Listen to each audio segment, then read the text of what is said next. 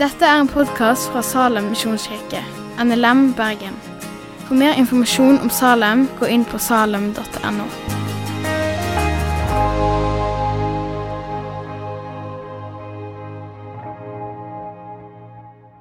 Ok. Eh, det er søndagens tekst, eh, og eh, skal vi rett og slett reise oss og lese den teksten sammen. Der står det fra Johannes 10.: Jeg er den gode gjeteren. Den gode gjeteren gir sitt liv for sauene. Men den som er leiekar og ikke gjeter, og som selv ikke eier sauene, han forlater dem og flykter når han ser ulven komme. Og ulven kaster seg over dem og sprer flokken. For han er bare leiekar og har ingen omsorg for sauene. Jeg er den gode gjeteren, og jeg kjenner mine, og mine kjenner meg, slik som far kjenner meg, og jeg kjenner far. Jeg gir livet mitt for sauene. Jeg har også andre sauer som ikke hører til denne flokken. Også dem må jeg lede. De skal høre min stemme, og det skal bli én flokk og én gjeter. Far elsker meg fordi jeg gir livet mitt for siden å ta det tilbake. Ingen tar mitt liv, jeg gir det frivillig, for jeg har makt til å gi det og makt til å ta det tilbake igjen. Dette er oppdraget jeg har fått av min far. Slik lyder Herrens ord. Vær så god, sitt.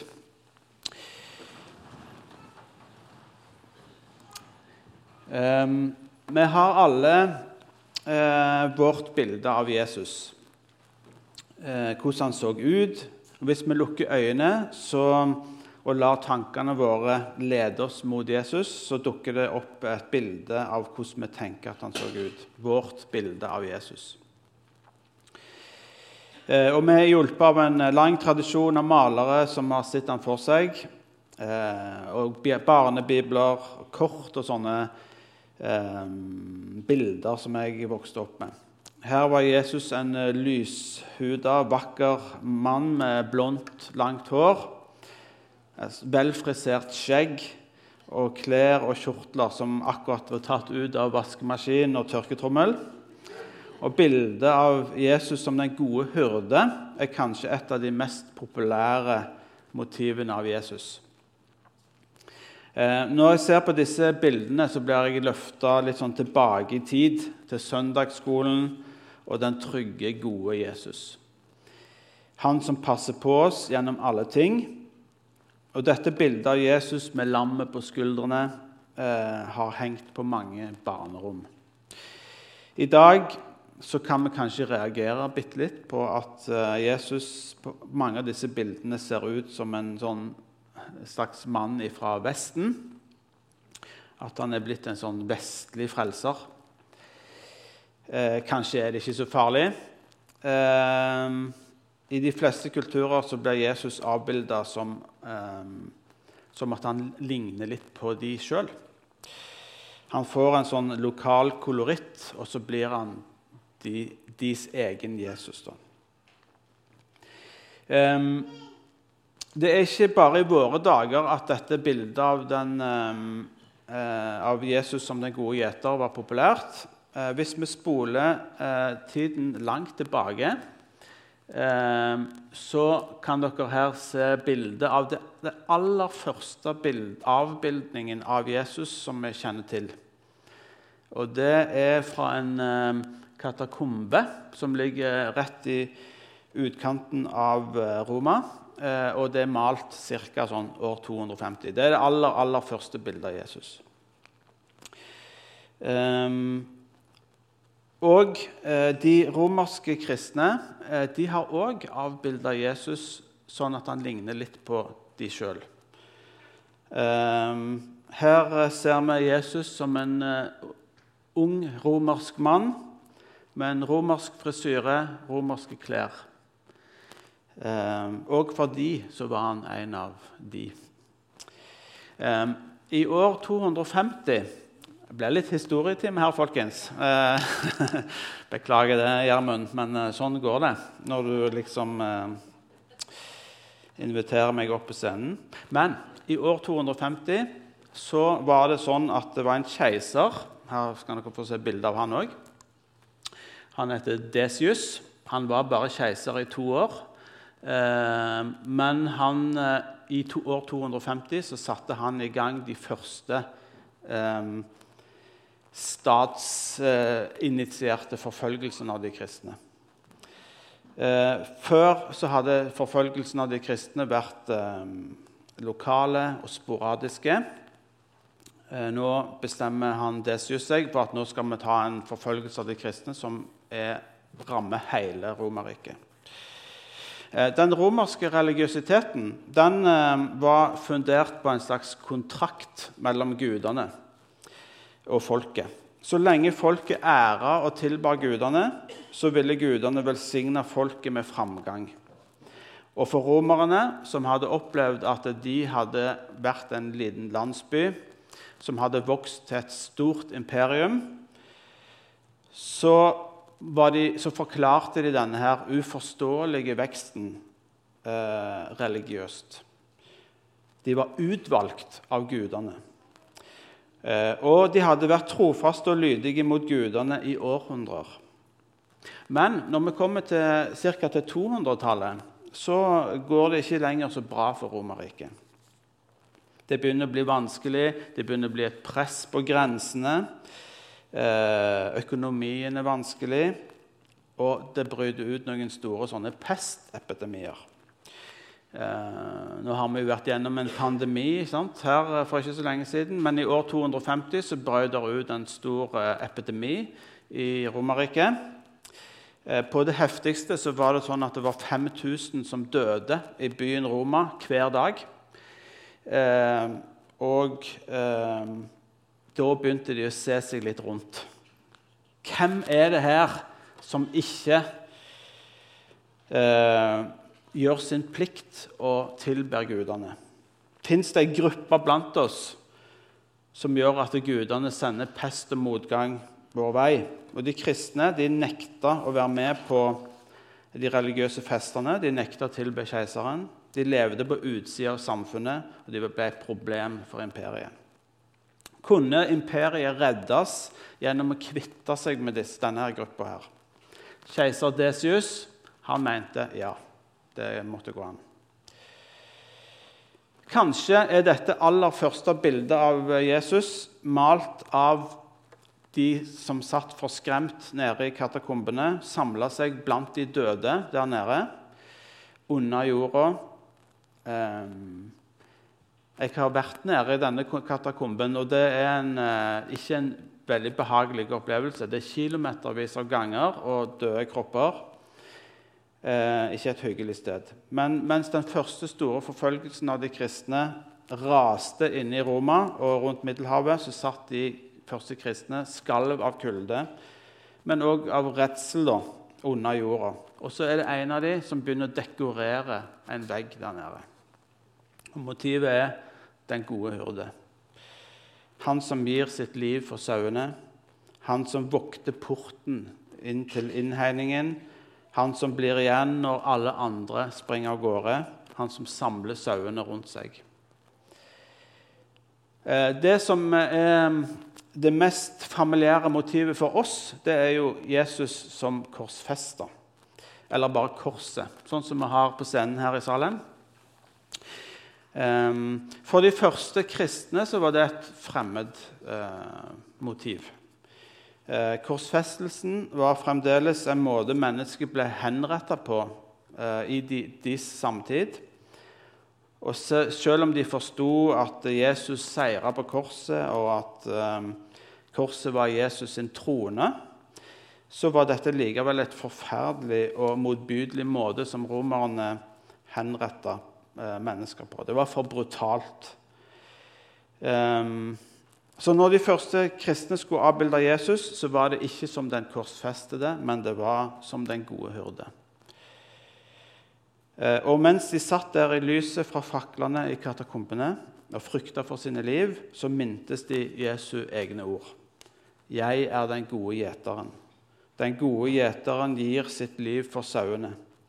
Men den som er leiekar og ikke gjeter, og som selv ikke eier sauene, han forlater dem og flykter når han ser ulven komme. og ulven kaster seg over dem og sprer flokken. For han er bare leiekar og har ikke omsorg for sauene. Ja. Eh, hvis dere har vært i Roma, eh, så vet dere kanskje hva som er dyret eh, til Roma. Eh, eller hvis dere har sett fotballkamper med fotballaget Roma. Eh, på latin så heter det lupus, eh, og det er altså ulven.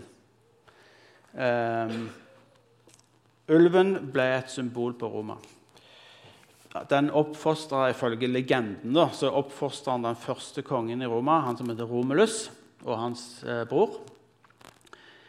Eh, og Derfor har, har, ulven blitt symbolet på Roma. Disse ordene til Jesus om ulven som skulle kaste seg over dem og spre flokken, det må ha føltes som en profeti fra Jesus. Ehm, var det ikke det menigheten i Roma opplevde? Ehm, det går an på en dag som denne å minne hverandre om eh, våre egne trossøsken som opplever helt reelle forfølgelser fordi de har valgt Jesus som sin herre og gjeter. Fengslinger, tortur, mobben som tar makten i egne hender, Sosial utstøtelse, utestengelse fra utdanning og jobbmarked. Det er ikke bare ting som de opplevde for nesten 2000 år siden, men det er noe som folk opplever i dag. Og Likevel så klamrer de seg fast til Jesus, til den gode hyrde. De kan ikke annet. De kan ikke si nei til det som er sant. Um, å ha både sau og ulv um, på samme område er et svært betent tema. Eh, I sentrumsnære strøk, som her i Bergen og sånne plasser, Oslo, så er det selvsagt at vi skal ha ulv i Norge. Eh, de som har sauer i ulvestrøk, de tenker litt annerledes om den saken. Og kanskje ikke vi trenger å ta den ulvedebatten akkurat her. Men fra naturens side så vet vi at sauer til en viss grad er i stand til å forsvare seg mot rovdyr, som f.eks. ulv. Hvordan gjør sauene det? Jo, de trekker sammen. De stimler sammen. Eh, og eh, de samler gjerne de minste og mest svake i sentrum av flokken. på en måte. Så nå er det ikke lenger ulv mot sau, men det er eh, ulv mot saueflokk. Og det forandrer oddsen litt. Eh, og for en sau Nei, òg for en ulv kan det gjøre vondt hvis han blir stanga av en gjeng med knallharde horn. Det gjør òg vondt for ulver. Og Det er en sånn universell strategi som blir brukt eh, i dyreverdenen eh, F.eks. på savannen sant, så prøver løver å isolere og spre ut de svake fra flokken av sebraer og gnuer. Hvis de klarer å holde sammen, så går det bedre. Så hva er et menighetsliv? Det er jo så mange ting. Men det er bl.a. å holde flokken samla. Um, det er noen som ønsker å spre oss, isolere oss, få oss ut i åpent lende. Vi er sterke sammen. Vi tror sammen. Vi beskytter de svakeste. Vi holder hverandre oppe.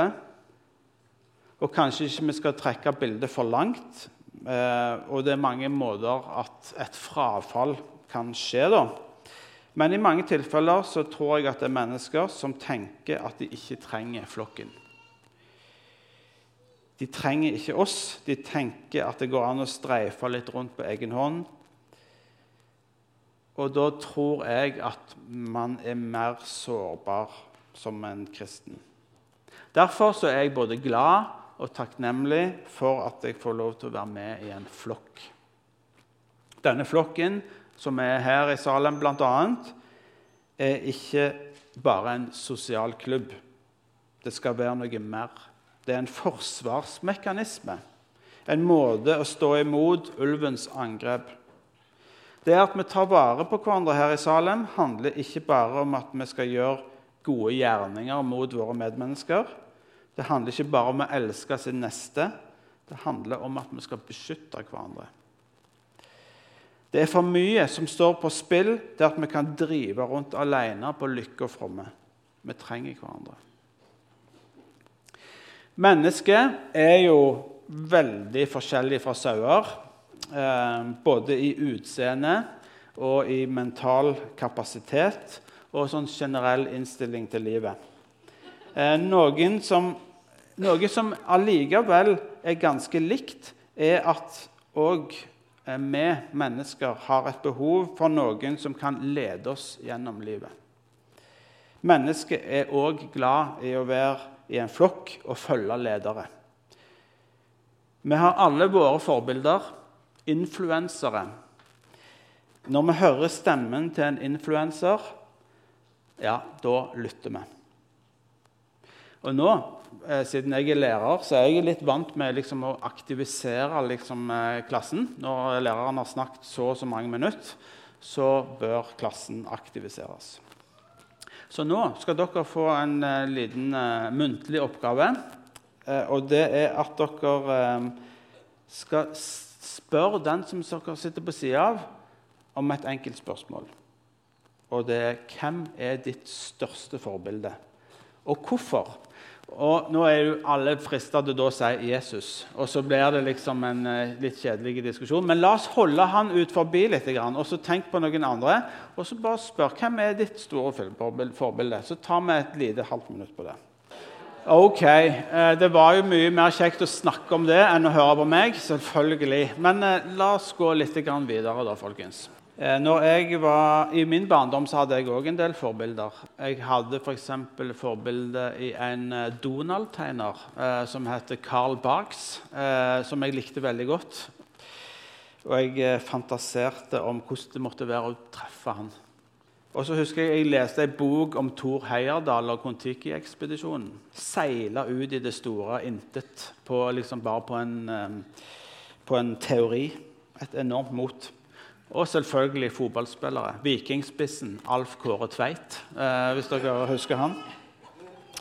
Dere hadde sikkert deres egne, som dere nå har fått snakket om. Banebrytende personer på det personlige plan, kulturelle innovatører, fotballspillere, politikere osv.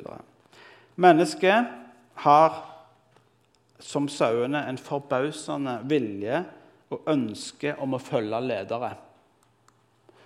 Enkelte ganger er det skremmende å se hva slags eh, ledere mennesker og hele samfunn er villige til å følge. Helt ned i avgrunnen. Men òg i religiøse miljøer kan vi se dette. Eh, av og til så blir det religiøse lederskapet usunt og destruktivt. Jeg satt en kveld og så på Netflix, og der var det en sånn dokumentarserie om en sånn eh, kristen dommedagssekt i en by som heter Waco, Texas. Den historien ender ikke bra. Det er ikke likegyldig hva slags ledere vi velger å lytte til. Og de av oss som er ledere, har et desto større ansvar. Kanskje det er derfor Jesus er så streng mot lederne, mot farisere og skriftlærde. Hyrder som leder flokken i helt feil retning, det var bedre for dem om de var kasta i havet med en kvernstein rundt halsen, sier Jesus. Knallharde ord og et stort alvor. Eh, hva er det som skiller oss her i Salem fra ei sekt? Eh, det er forhåpentligvis flere ting. Men en av dem er at vi ikke blindt følger en leder. Gjermund. Eh, vi, følger, vi følger en leder, men vi gjør det ikke blindt. Det er lov å være kritisk til lederskapet, stille spørsmål. Det er ikke bare lov, men det er ønskelig. Det er nødvendig for å bevare det sunne og kvitte oss med det usunne. Har vi funnet den rette balansen her i denne menigheten? Det må vi spørre oss sjøl om. Har vi et lederskap som eh, leder flokken i rett retning? Jeg tror det. Men det er et sunnhetstegn at vi spør. Så denne talen har vært litt eh, assosierende. Og selvfølgelig er det mange moment som vi kunne ha trukket fram i denne teksten. Eh, men en liten ting sånn avslutningsvis. Det er om å høre gjeterens stemme. Um, det fins mange dyr i verden. Det kan vi være enige om. ikke sant? Tusenvis. Sjiraff, kenguru, flygeekorn, oter, puma osv. osv. Mange dyr. Men av alle disse dyrene så fins det ganske få som lot seg temme og bruke som husdyr. Kanskje bare så få som 30-40. Ku, hest, lama, indisk elefant, kamel, dromedar, vannbøffel, geit, jakkokse og sau, og så noen til. Felles for alle disse dyrene er at de er flokkdyr. Og de var villige til å bytte ut lederen av flokken med et menneske, en gjeter. Mellom gjeteren og flokken ble det utvikla et helt spesielt tillitsforhold. La oss ta vekk dette bildet. Um,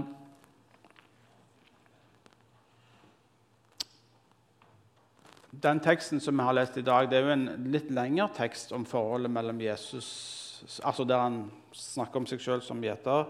Um, her står det han kaller sine egne sauer med navn og fører dem ut.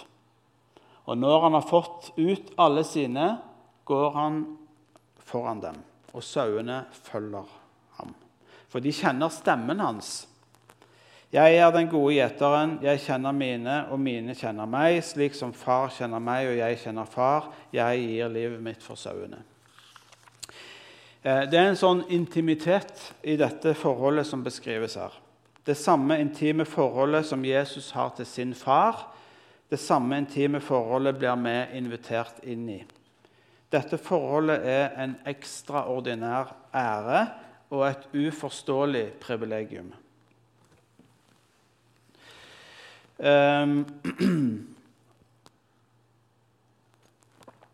Vi kan ikke forstå det på noen annen måte enn at Gud faktisk elsker oss og ønsker en relasjon med oss. Eh, gjeteren roper. Han kan riste i oss, han hvisker. Spørsmålet er kjenner vi igjen stemmen hans.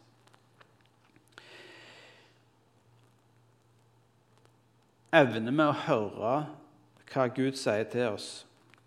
til å se hva han vil gjøre i våre liv, og kunne, og kunne se vår verden ikke bare som en materiell og gudløs verden, men en åndelig verden, der vi kan få virke sammen med ham.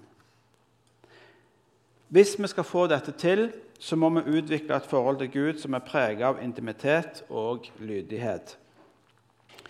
Når vi leser bibelfortellingene, så ser vi at de store heltene hadde dette forholdet til Gud. Moses, Maria, Daniel, Josef, Anna i tempelet, Samuel.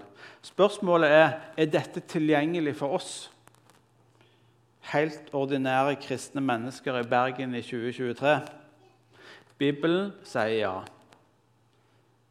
Ikke bare er det tilgjengelig for oss, Gud lengter etter dette. Og hvordan utvikler vi et intimt og ærlig forhold til et annet menneske gjennom ærlighet.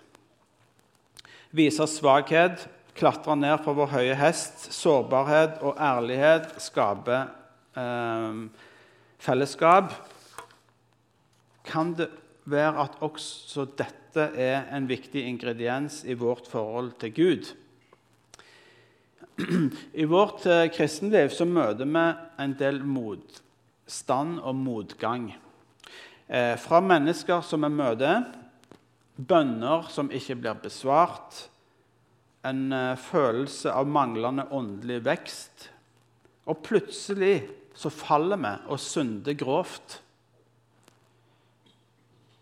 Hvis vi skal utvikle en intimitet med Gud, så må vi, sånn som vi ser i mange av salmene til David, være ærlige med Gud om hvordan vi faktisk har det. Eh, vi kan være åpne om vår svakhet med Gud. Gud tåler vår ærlighet. Han lengter etter den. Denne ærligheten som skaper sterke fellesskap mellom oss mennesker, skaper også et sterkt fellesskap mellom oss og Gud. Mine kjenner meg. Det handler ikke bare om å høre Guds stemme, men å kjenne Jesus. Det er forskjell på kunnskap og kjennskap. Det er mange som vet hvem min kone Hege er. Hun sitter der nede. Um,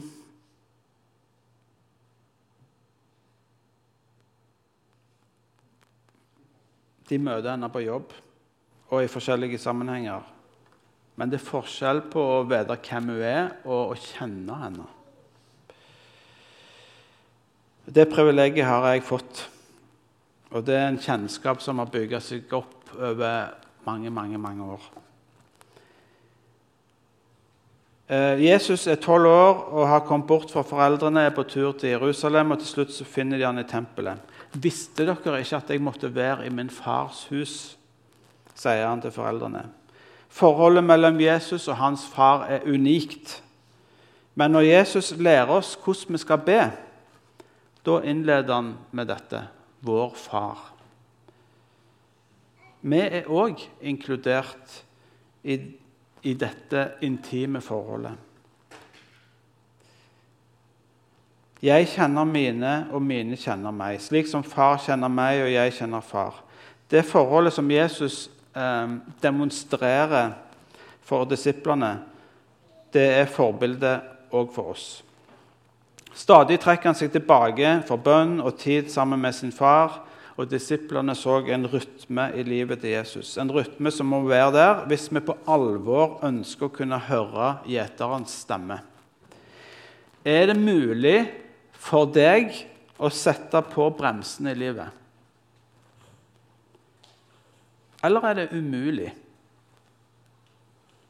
Hvis det er umulig å sette på bremsene, så har vi kanskje designa oss et liv som jeg ikke tror er bærekraftig åndelig på lang sikt. Jeg tror vi trenger en sånn åndelig oppvåkning òg på hvordan vi lever livene våre.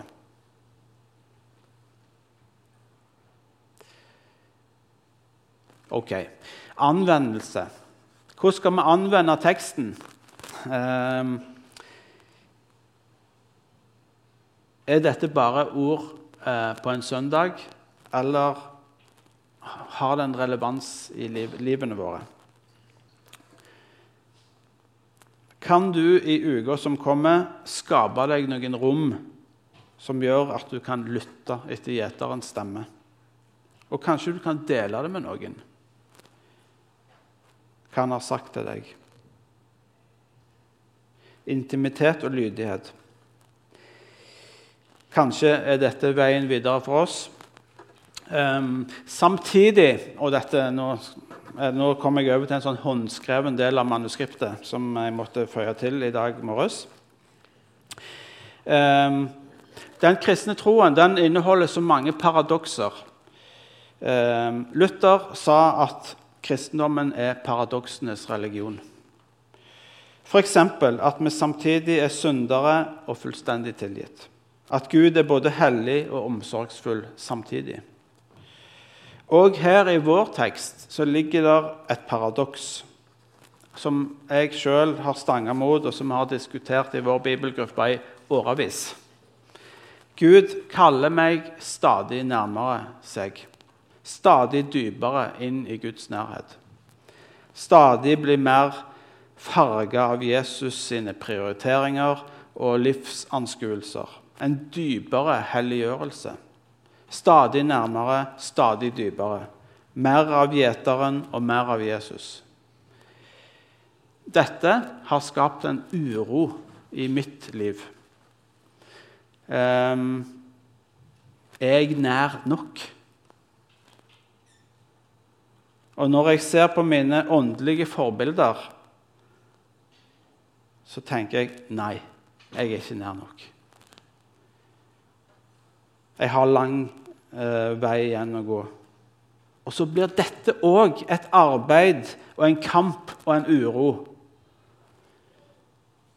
Den andre sida av paradokset er at gjeteren inviterer oss til å ligge i grønne enger. Han inviterer oss til hvilens vann. Midt i stormens øye så dekker han et bord for oss. Vi blir invitert til å legge fra oss våre tunge byrder. Og Sånn er det kanskje med paradokser. De inneholder tilsynelatende motstridende muligheter som kan være sanne samtidig. Og så må vi bare leve i denne spenningen, da. OK. Det var så langt som jeg kom. Og så ber vi litt til slutt. Kjære far, takk for at du vil være min hurde, og at jeg mangler ingenting. Du lar meg ligge i grønne enger. Du leder meg til hvilens vann. Du fornyer min sjel. Du fører meg inn på rettferdighetens stier, for ditt navns skyld. Hvis jeg skulle vandre i dødsskyggens dal, sjøl da så frykter jeg ikke noe vondt, for du er med meg. Du dekker bordet for meg, like foran øynene til mine fiender. Du salver mitt hode, mitt beger flyter over. Bare godhet og miskunnhet skal følge meg alle mitt livs dager. Og til slutt så skal jeg få bo i ditt hus gjennom lange tider. Amen. Takk for at du har hørt på podkasten fra Salem, Bergen. I Salem vil vi vinne, bevare, utruste og sende. Til Guds ære.